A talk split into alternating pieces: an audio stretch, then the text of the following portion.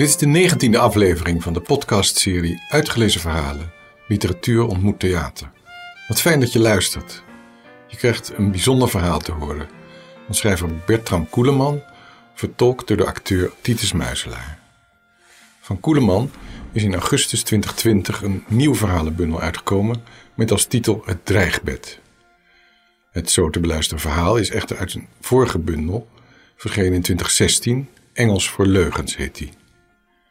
En ik heet Pieter van Scherpenberg, samensteller van het theaterprogramma van Uitgelezen Verhalen en je gast hier in deze podcast. In eerdere afleveringen hoorde je altijd een nagesprek met de schrijver of vertaler van het verhaal dat je net gehoord had. En vanaf nu vraag ik je te winnen aan een aantal maandelijkse afleveringen met alleen het verhaal. Na een korte inleiding van mij. Ja, dat is een geldkwestie. We hebben even geen budget om in de studio te gaan. In de toekomst hopelijk wel weer. Maar het belangrijkste blijft. Je krijgt live in het theater opgenomen verhalen te horen, verteld door uitstekende acteurs die zich inleven in de hoofdpersonages.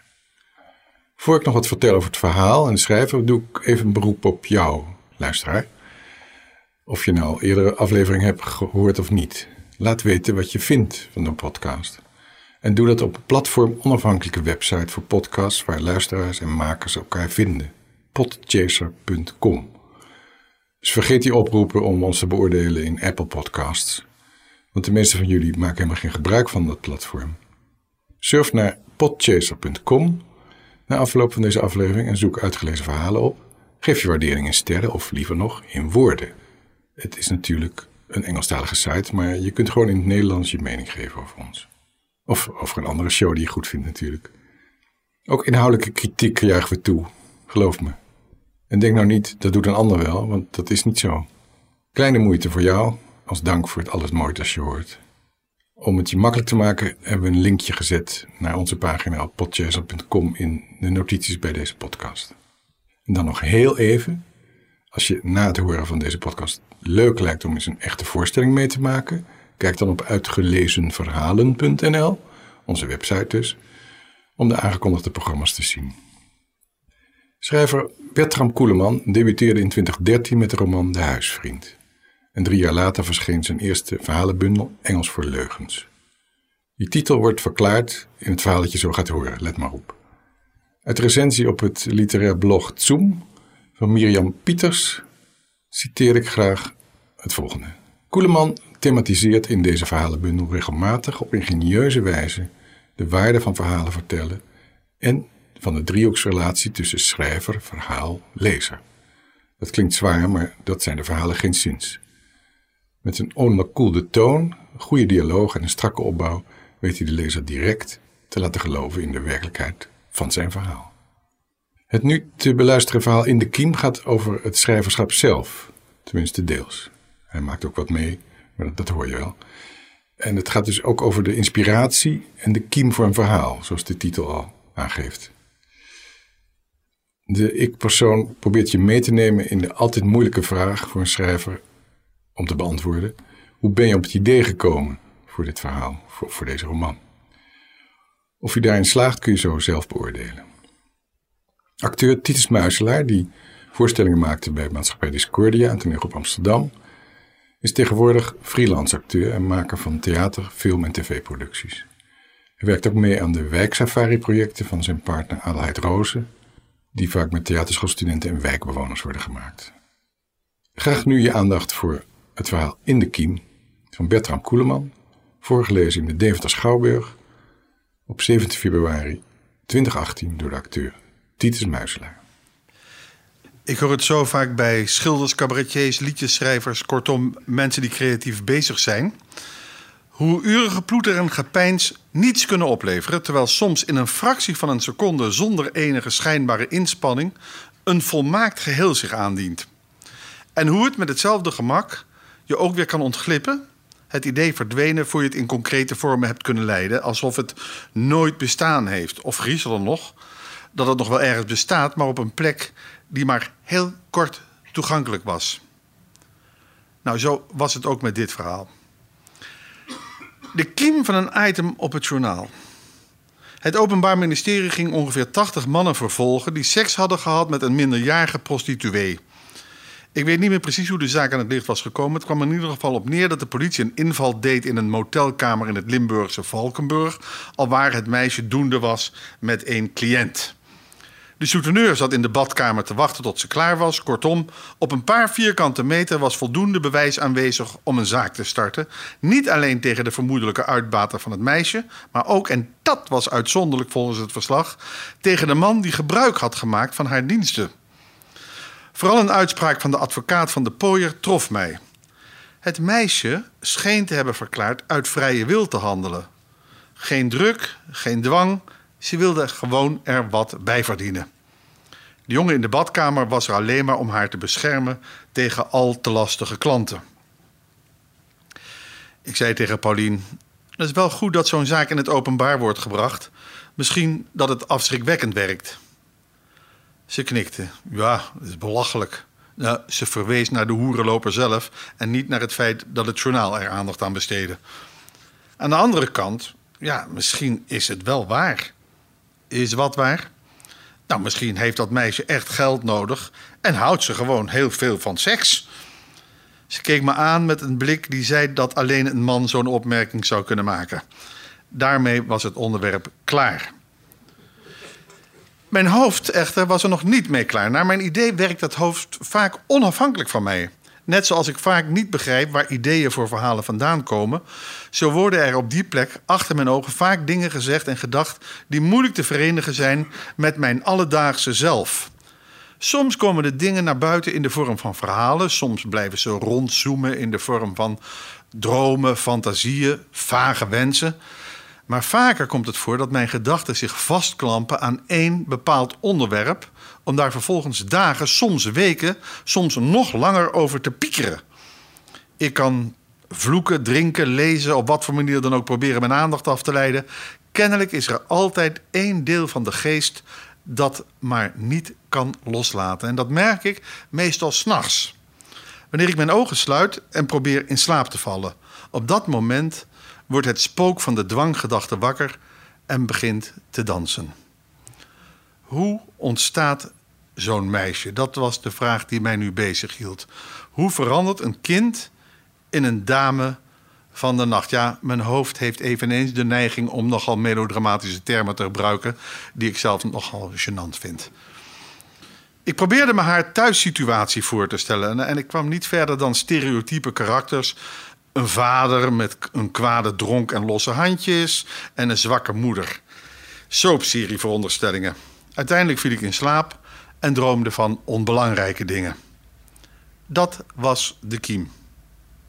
Niet dat ik me daarvan bewust was, dat is de sleutel. Het is vooral het niet nadenken. Het niet verzinnen en dat leidt tot de beste resultaten. Ik merkte pas echt hoe intuïtief het proces voor mij in feite is toen ik een paar weken later te gast was bij een schrijversworkshop. Ik begon te vertellen over de huisvriend en zijn ontstaansgeschiedenissen. Aanvankelijk enthousiast over de novelle waar het boek uit voortgekomen was, het ontdekken en het uitbouwen van het verhaal. Maar toen ik probeerde te formuleren hoe alle ideeën uiteindelijk waren samengekomen, stokten mijn zinnen. Ik sprak met steeds meer horten en stoten totdat ik uiteindelijk stilviel. Verbaasd, fronsend keek ik om mij heen. Weet je, ik denk niet dat ik precies kan zeggen waar het hem in zit, zei ik. En snel en zei: Ja, uh, sorry hoor, maar dit is nog allemaal, het is nogal vaag. De gespreksleider bemerkte mijn ongemak en probeerde dezelfde vraag anders te stellen. Uh, hoe ontstaat dan bijvoorbeeld zo'n verhaal als Haverkort de Vlinder? vroeg hij. Dat was om weer een andere reden een moeilijk te beantwoorden vraag, want het verhaal was inmiddels zes jaar oud. Nou, ik had eerst een idee over een vrouw die zo mooi was dat ze overal ongelukken veroorzaakte. Automobilisten werden zo afgeleid door haar uiterlijk dat ze vergaten op het verkeer te letten. En daar werd ze zich van bewust en vervolgens ging ze dat gebruiken. Zoiets. Nou, dat muteerde dan langzaam in iets anders, maar hoe dat precies ging. En ik haalde mijn schouders weer op en trok een hulpeloos gezicht. Ik geloof niet dat ik me daar echt nuttig heb gemaakt. Na een uur gelijksoortige voorbeelden leek de aandacht van de deelnemers zelf iets wat vijandig te worden. Ik probeerde het luchtig te houden. Nou, probeer vooral niet te veel na te denken, riep ik. De sfeer bleef ongemakkelijk. Na afloop kwam er een meisje naar me toe. Ze was me tijdens de workshop al opgevallen omdat ze de enige was die niets had gezegd. Af en toe had ze iets opgeschreven, maar de rest van de tijd had ze om zich heen gekeken, gericht op niets alsof ze niet goed wist waar ze was, maar zich geen zorgen maakte. Bedankt voor de tips, zei ze. Nou, graag gedaan, zei ik toen haar gezicht en toon vrij van sarcasme bleken. Uh, ik vind het lastig te praten over iets wat meestal vanzelf gaat. Nee, nee, ik snapte wel wat je probeerde te zeggen en ik denk ook dat iedere schrijver dat herkent. Dat je zo in je eigen verhaal kunt verdwijnen. Ken je Oracle Night van Paul Auster? Ja, zei ik. En ik wist direct naar welke passage ze ging verwijzen. Nou, daar zit precies zo'n scène, een scène in. Een vrouw zegt tegen haar man, die schrijver is... Ik kwam even kijken toen je bezig was, maar je was er niet. Precies, zei ik dommig. Innerlijk vloekte ik. Waarom had ik die scène daar net niet zelf aangehaald? En ook, uh, je mag je nergens over uh, zorgen over maken. Niet over of een idee wel goed is, niet over of je wel in staat zult zijn om het tot een goed einde te brengen. Begin nou maar gewoon, schrijf alles op, zonder rem, zonder censuur... en uiteindelijk zal het zijn vorm wel vinden. En daarna mag je pas gaan nadenken. Ze grijnsde. Waarom zei je dat net niet? Ik grijnsde. Nou, misschien wil ik de belangrijkste tips voor jou bewaren. Ze tikte met haar pen tegen haar kin. Moet jij nog ergens naartoe? Uh, voor een getrouwd man ging dit redelijk snel. Uh, we zaten in een luidruchtig eh, studentencafé. Het was stampvol, vlakbij het Centraal Station. Constant verkeer langs de ramen. Maar ik zat aan een tafeltje met een mooi meisje dat het mijne niet was. We spraken over schrijven en andere intieme zaken. En we zouden net zo goed op een motelbed hebben kunnen zitten, blozend van opwinding. Tenminste, zo dacht ik erover. Zij, en ze heette Lies, leek geen last te hebben van dit soort bijgedachten. Maar dat kon ik natuurlijk weer niet weten. Ik ben over het algemeen zeer slecht in het lezen van gezichten en lichamen, en zeker van vrouwen. Ook dat zal wel iets met loslaten te maken hebben. Mijn verlangen om te begrijpen zit mijn begrip in de weg. Vergelijk het met het verlangen van sommige stellen om een kind te krijgen. Hoe meer ze het willen, hoe kleiner de kans dat het lukt. Bertram, ben je er nog?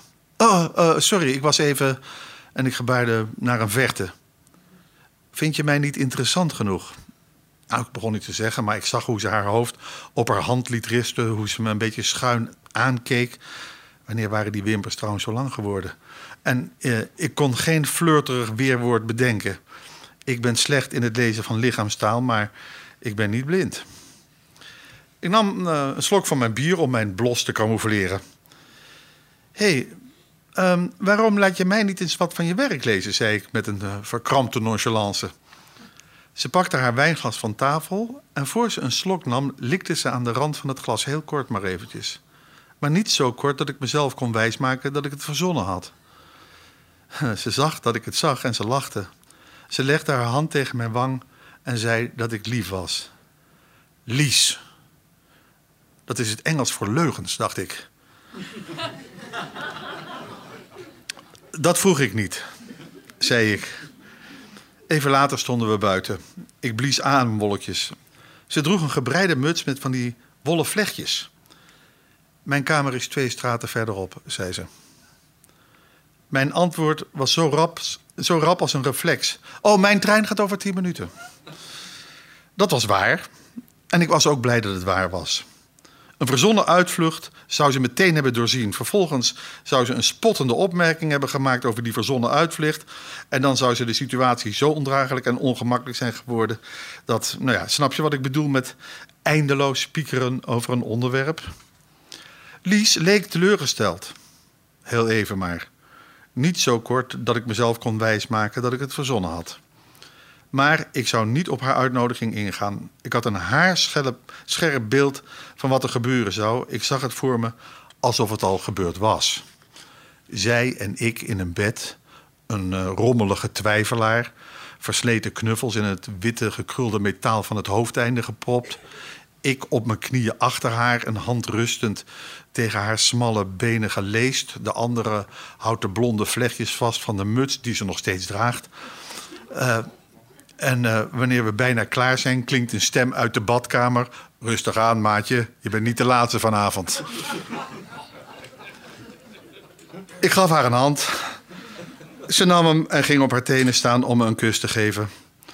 Haar warme, door drank gekruide adem, ze fluisterde succes met je boek. Geschrokken door de kus kon ik slechts knikken en glimlachen. Dom glimlachen. Ik keek erna tot het zwakke achterlicht van haar fiets om de hoek van de gracht verdwenen was. In de trein terug gebeurde het. Ideale omstandigheden. Ik zat alleen in de coupé. Het traject was lang en recht. De buitenwereld niet meer dan, een grote, dan niet meer dan grote zwarte vlakken, af en toe onderbroken door lichtpuntjes. Het enige geluid dat regelmatige klakken van de metalen wielen in hun sporen. Ik leunde mijn hoofd tegen het glas en sloot mijn ogen en de alcohol deed de rest. Mijn geest ontspande zich. En plotseling zag ik het.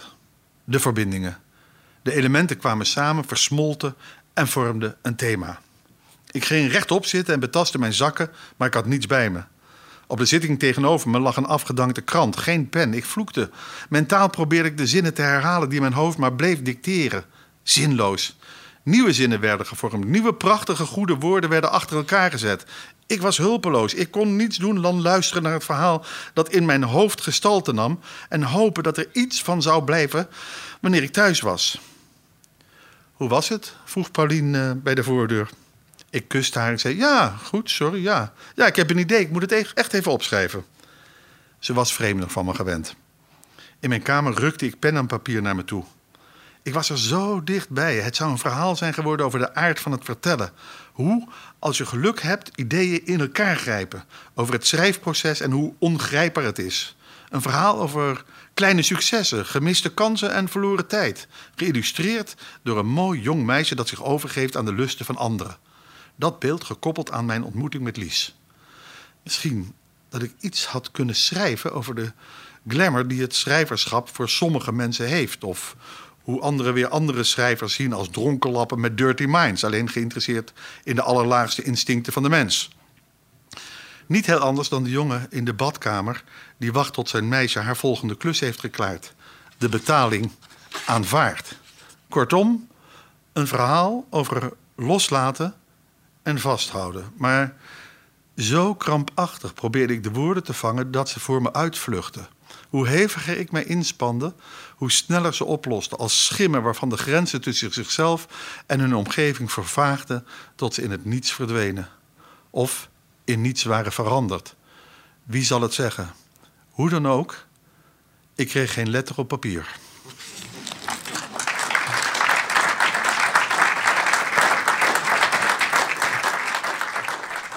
Zo luisteraar. En dan sluiten we nu deze aflevering af. Ik hoop dat je genoten hebt. Ik wil je nogmaals vragen: ga nu sterren uitdelen en schrijf een bespreking op podchaser.com. Deze aflevering is mede mogelijk gemaakt door gemeente Deventer. En aan deze aflevering werkte mee Bertram Koeleman, Titus Muiselaar, Dirk-Jan van Ittersum voor de mixage. De herkenningsmelodie is van Instant Classical, Amir Swaap en Sietse van Gorkom. Ik ben Pieter van Scherpenberg en gidste je door deze 19e aflevering. Graag tot een andere keer.